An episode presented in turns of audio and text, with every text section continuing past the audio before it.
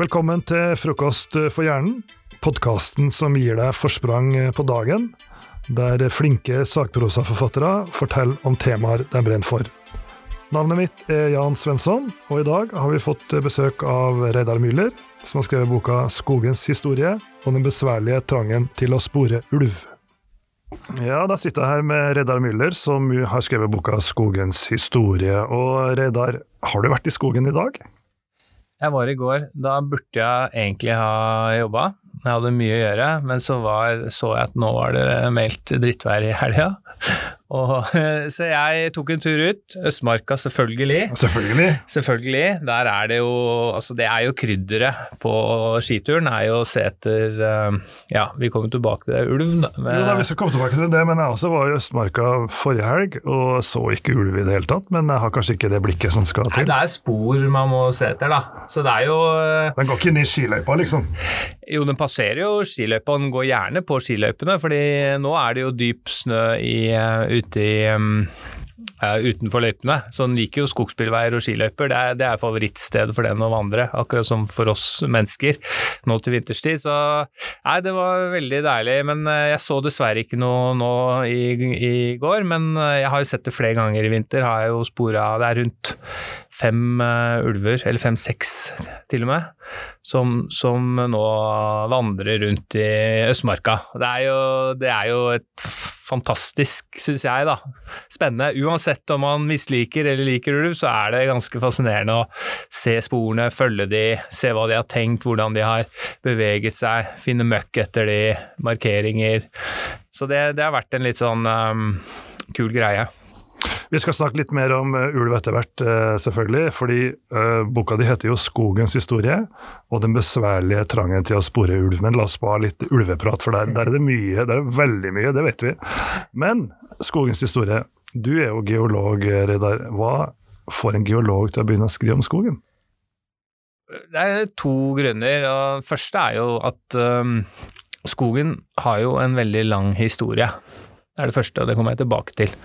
Uh, men det andre er jo at uh, selv om jeg er geolog, så er jeg fascinert av natur generelt. Derfor har jeg på en måte den boka handler jo ikke bare om geologi, altså skogens dype historie, den handler jo også om botanikk, den handler om vårt, eh, altså hvordan vi mennesker ser på skogen, Den handler om hvordan skogen er blitt brukt gjennom tidene. Så, jeg føler jeg på en måte har tatt uh, tre hovedfag her, altså i henholdsvis botanikk, zoologi og idéhistorie, når jeg har skrevet denne boka, i tillegg til å bruke min uh, kompetanse som geolog. Og, det er klart at det med å være Eh, det å se på en måte at skogen har en historie, f.eks. altså du ser furuer, da, som er Det er jo sånn nasjonaltre til Norge, kanskje. altså Vi har jo over 2000 stedsnavn i Norge som har opphav med furu eller toll eller tall, det er jo andre navn for furu. Så er det på en måte Nå kan man tenke at det treet har sett sånn noenlunde likt. altså Bartrærne har vært her i 200-300 millioner år. altså Dinosaurene beita på de trærne, og, og, da var det på en måte Vi var sånne små altså vi Pattedyr var sånne små rotter som løp ned på skogbunnen. Og så er det jo interessant å tenke at uh, det var ikke skog i Norge for 12 000 år siden. Da var jo alt bare skrap bort uh, av isen. Så, og så har jo på en måte trærne vandret inn uh, de siste 10 000 år. Så det er fascinerende å tenke skogen er veldig dynamisk fisk, for å si det sånn. Og det, det er jo gøy å utforske som geolog. Men, men, som sagt, eh, den boka handler jo om så veldig mye mer enn det. Eh, og det har jo, hva skal jeg si, det har jo krevd enormt mye arbeid, i, altså research, da, for å, for å finne ut alle de greiene. Uten tvil, men du har jo også vært mye ute i felten selvfølgelig og lett etter gamle trær på fjellet? Ja, det er jo favorittemaet mitt, da. Jeg skriver jo ikke enormt mye om det i boka, men jeg, jeg er jo innom det, og det er jo det med uh, Jeg finner jo uh, oppe på hytta vår rett sør for Rondane, så er det jo noen um, trestokker som vi har funnet, eller furustokker, som er funnet oppe i fjellvann og myrer som ligger 100 meter over skoggrensa i dag. Uh, og det tyder jo på at klimaet har vært varmere. altså skoggrensa har beveget seg oppover. Og, det, det, som er litt uh, interessant, er at vi har jo tatt og datert de, karbon 14-datert, og det viser at de stokkene er, uh, enkelte av dem er over 9000 år gamle. Så og det er jo, syns jeg er veldig sånn storslagen å tenke at faktisk det landskapet har endra seg. Det har vært skau oppå vidda i Norge. altså Dette er jo sør for Rondane, men hele store deler av Hardangervidda også var skogkledt for 9000 år siden. Da var somrene 1-2 grader varmere enn i dag, og så var vintrene De vintrene var riktignok kaldere, men det handler om at klimaet har endra seg over tid, og, og, dette skyldes da eh, hvordan jorda beveger seg rundt sola, rett og slett. Så, så for meg så er det et sånt budskap i, i boka, er jo det å, at man går på tur. Så er det mange som bare Ja, man skal liksom svette ut i skauen, eller man skal øh, nyte en fin solnedgang. Men for meg så handler det om også om å, å, å bli kjent med den skogen du, du går i. da, så prøve å Hva er det faktisk vi ser? Hva slags arter lever der? Uh, hvilke treslag holder til der? Hva slags historie har den skogen? Uh, så det, det, har vært viktig. Ja, alt det her kan vi jo lese om i boka, det er jo veldig fascinerende. og som du sier, du har jo drevet drevet veldig grundig research, men sånn i etterkant, hva, hva var det mest overraskende du, du lærte? Eh, jeg syns jo det er spennende å, å, å, lese om hvordan vi har endret vår syn på skog. Det med f.eks. at vi har et veldig sånn Vi ser på skogen som et slags tempel, et sånt gudstempel. Det er et sted vi skal søke ro. Det er, uh, det er et sted som uh, altså ligger i telt ute i natta og koker kaffe på bålet. Altså, det er sånn Skog er lik det å nyte. Mens hvis vi går bare tilbake noen par hundre år, så hadde skogen en helt annen rolle for oss mennesker. For det var det mye mer eh, noe vi brukte og utnyttet. Og, og, og så tenker jeg at eh, og, og, så var det jo mer med frykt forbundet med skogen. Altså, jeg tenker bare Olavs Magnus som skrev historien om nordiske folket på, i 1555. altså den eh, fremste lærde i Norden på den tiden. Han trodde jo at det var troll i skogen, skognymfer, huldre. Eh, han, trodde, han skriver om varulver eh, som brøt seg ned i kjellerne til folk og stjal mjød. Altså, eh, elgen liksom, De hadde et helt ko-ko syn på elgen. De trodde jo at elgen uh, Altså du kunne bruke, Elgen hadde medisinske Hva skal jeg si Du kunne bruke kloven, høyre klov til elgen, så hjalp det å koke den, og så kunne du drikke avkok, og så hjalp det mot uh, eh, f.eks. epilepsi eller fallsyke. Da. Så, så, det er veldig mye sånn forestillinger som er knyttet til skogen og skogens dyr, som vi ikke i dag har lenger. Og, og som vi på en måte Utenom at selvfølgelig krimlitteraturen elsker jo mørke granskoger. Ja, for det, kan det henger fortsatt igjen. Nettopp. Det kan være ganske skummelt å gå i skogen, syns du ikke det? I hvert fall når det er sånn tussmørkt eller mørkt. Uh... Jeg skal innrømme at uh, noen ganger hvis jeg har kommet liksom inn i en ganske mørk granskog, og det er ganske ferske ulvespor, og det er veldig dyp snø, jeg setter meg fast hele tiden, så kan, tror jeg de fleste kan kjenne på en sånn litt sånn uh, Jeg vil kalle det irrasjonell frykt, da. Blir det mange drepte i skogen i Norge? Jeg tenker på også en av grunnen til å være nervøs. Jeg tenker at det er mange flere som dør på sjøen og på fjellet. Ja, skogen er jo egentlig et sånn veldig trygt sted. Altså, det er ikke de store altså, Du drar ikke inn i skauen og så blir uvær, og så dør du. Altså, det er veldig få som går seg vill i, i, i disse dager. Da. Ja, nettopp, det det man, Vi går rundt med smarttelefonen vår, kan bare, i dag, da. Ja, ja, det det. Så er det jo litt sånn, det er ikke det samme røffe klimaet. Nei, altså Vi ser jo på oss sjøl i Norge som eh, kystnasjon, eh, altså fjelland, men kanskje ikke i så stor grad skogsland, eller hva, hva er din oppfatning der?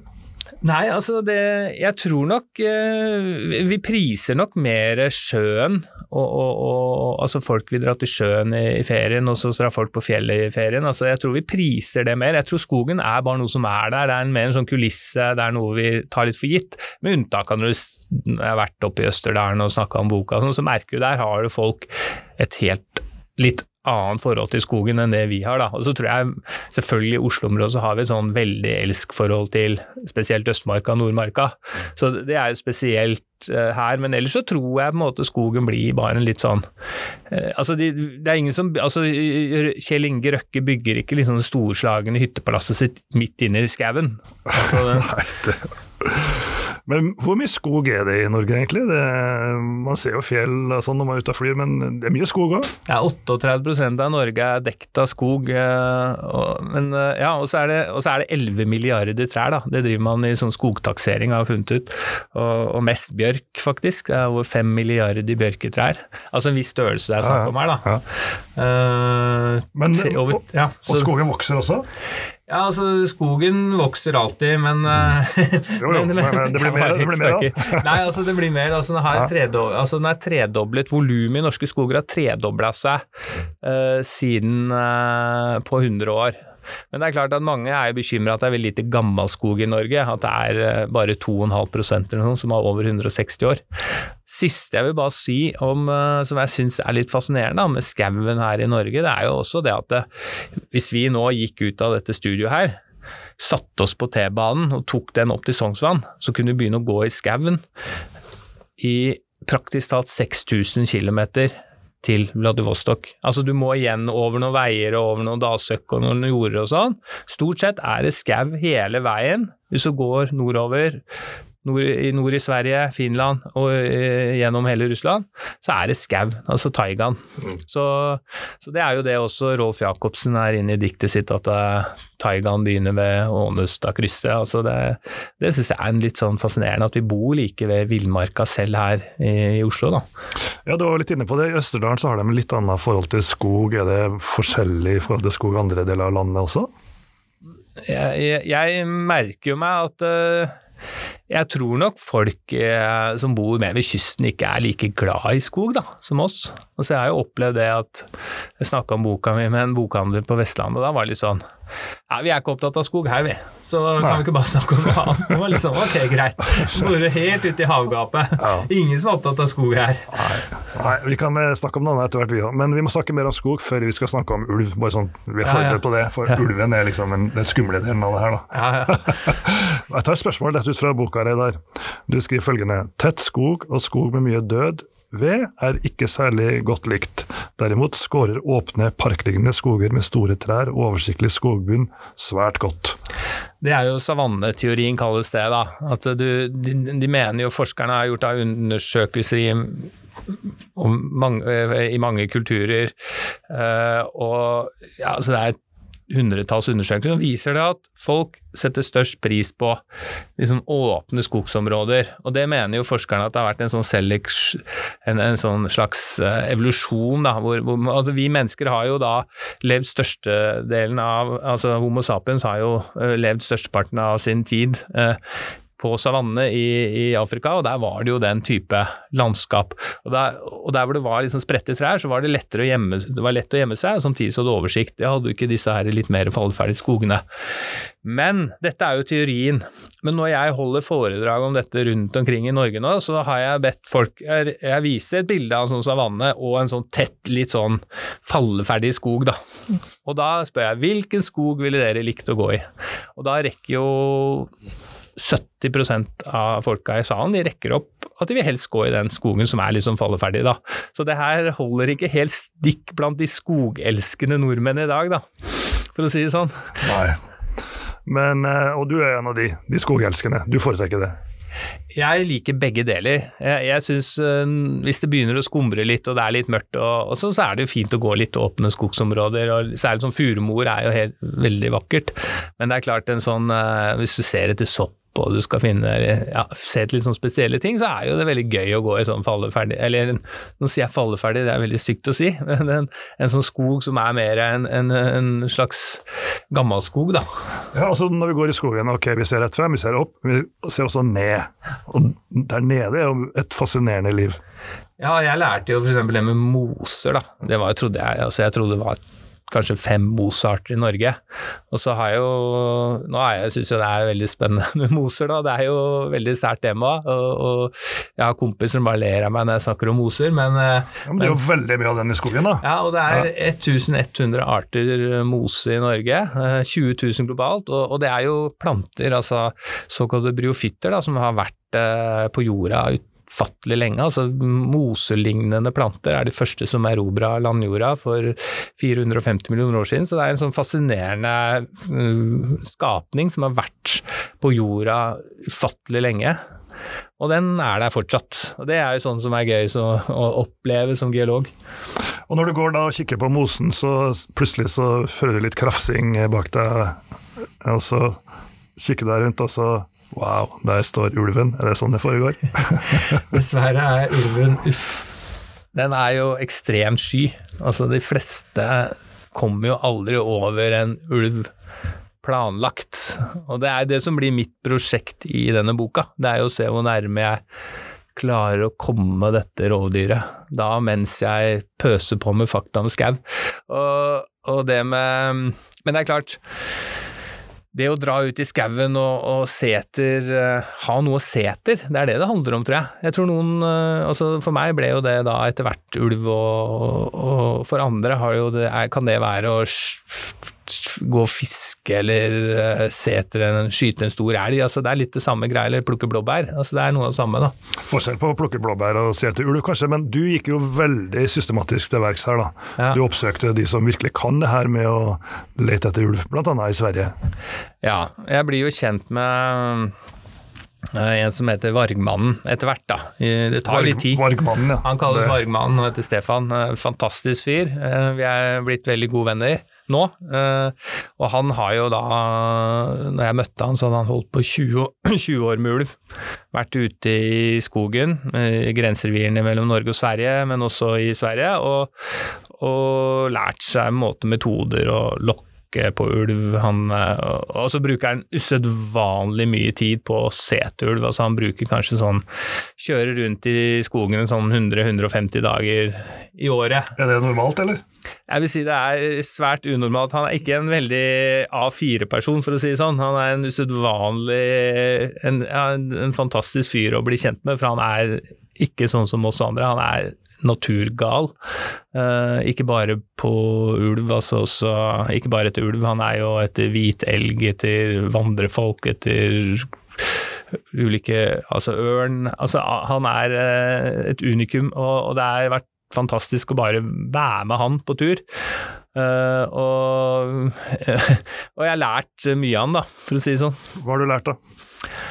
For det første så er det jo det å lære å, å, skille ulv, altså spor, sportegn, er jo veldig viktig. Altså hvordan Det er jo hund, og det har rev og Altså jeg tror ikke jeg har sett forskjell på rådyrulven for når jeg begynte med dette her, til og med. Altså selv om det er helt uh, basic. Så uh, der dro jeg det kanskje litt langt, men altså uansett så er det, det Lærte det, og så er det jo klart det at han, det med lokkinga, og det, det ble jo liksom en sånn litt sånn flau greie først, da. For vi sto jo der ute, og han uler jo da. Men det er nødvendig det også for hele tatt å komme i kontakt med ulven, at du på en måte snakker med en gjennom uling?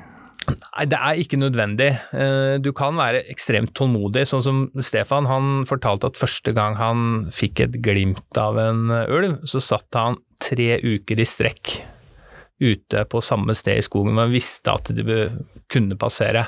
Og etter tre uker nesten uten søvn og med lite mat, fortalte han, så fikk han et glimt av en ulv.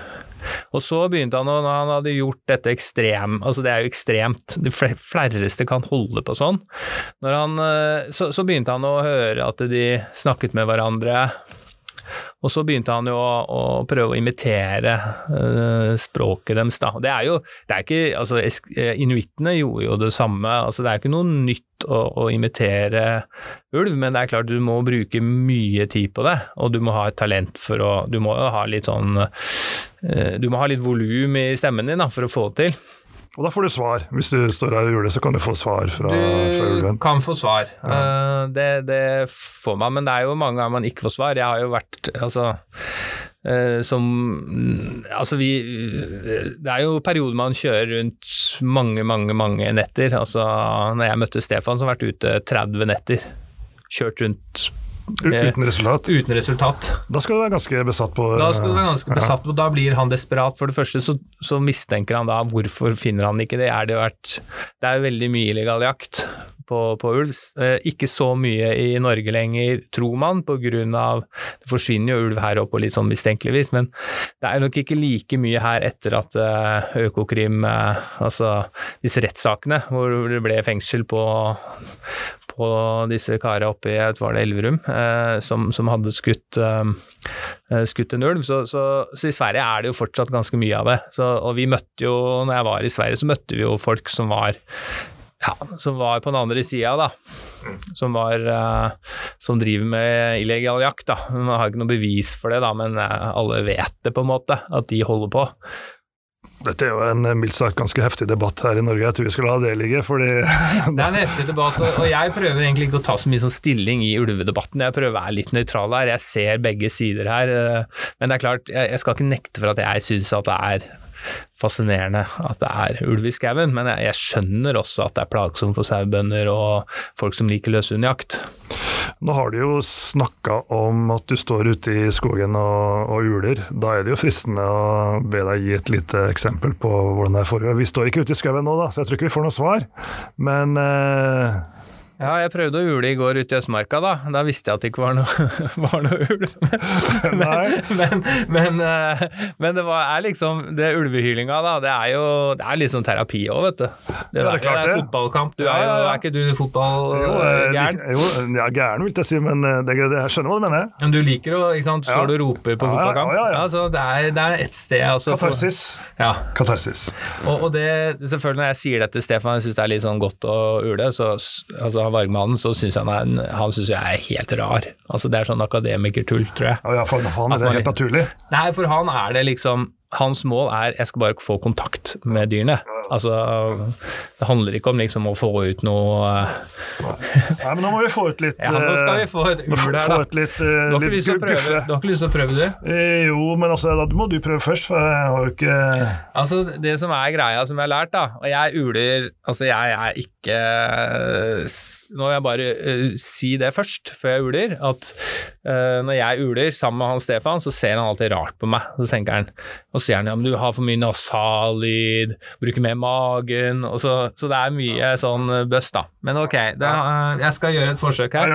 Inne i studio. Det er, eh, Hvis vi får svar nå, da blir jeg veldig overraska. da blir jeg veldig overraska. Ja, ja. Da må du svare eventuelt. Ja, ja, ja.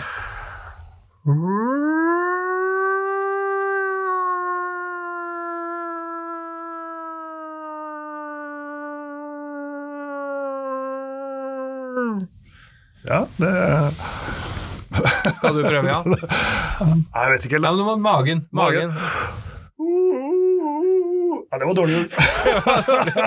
det var veldig syk Det var syk. fryktelig. det var det han sa til meg første gang jeg urte med Stefan. Så sa han du høres ut som en syk verg, Ja, sa han til meg. sykveien. Og første gang, jeg må si det før vi avslutter, da. Første gang jeg var i Østmarka, hadde jeg med en kompis. Jeg liksom vise han litt. Jeg skulle liksom være vargmannen, da.